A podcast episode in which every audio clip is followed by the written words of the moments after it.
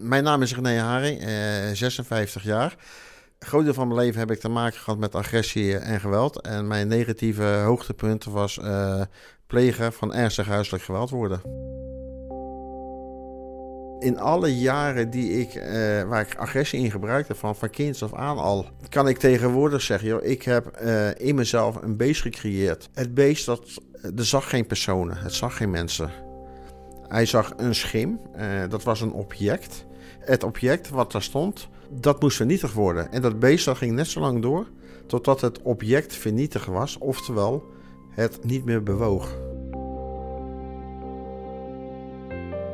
toppunten waren op vrijdag. Dat was echt, uh, de vrijdagen waren gewoon verschrikkelijk. Dus dan wist ik al, dan reed ik naar huis.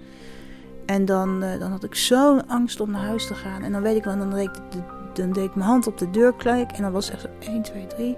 En dan ging ik naar binnen. En dan uh, zat hij aan de keukentafel.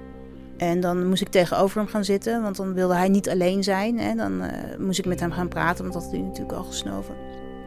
Ze dus van, nou, vertel eens wat. Maar ja, ik, ik ik was hartstikke nuchter. Ik kwam net van mijn werk. Die avonden, die draaiden altijd uit dat ik klappen kreeg. Ik sla mijn vrouw. Een podcast van Omroep Brabant over huiselijk geweld. Twee mensen, elk met hun eigen verhaal, vertellen hoe een relatie zo kan ontsporen.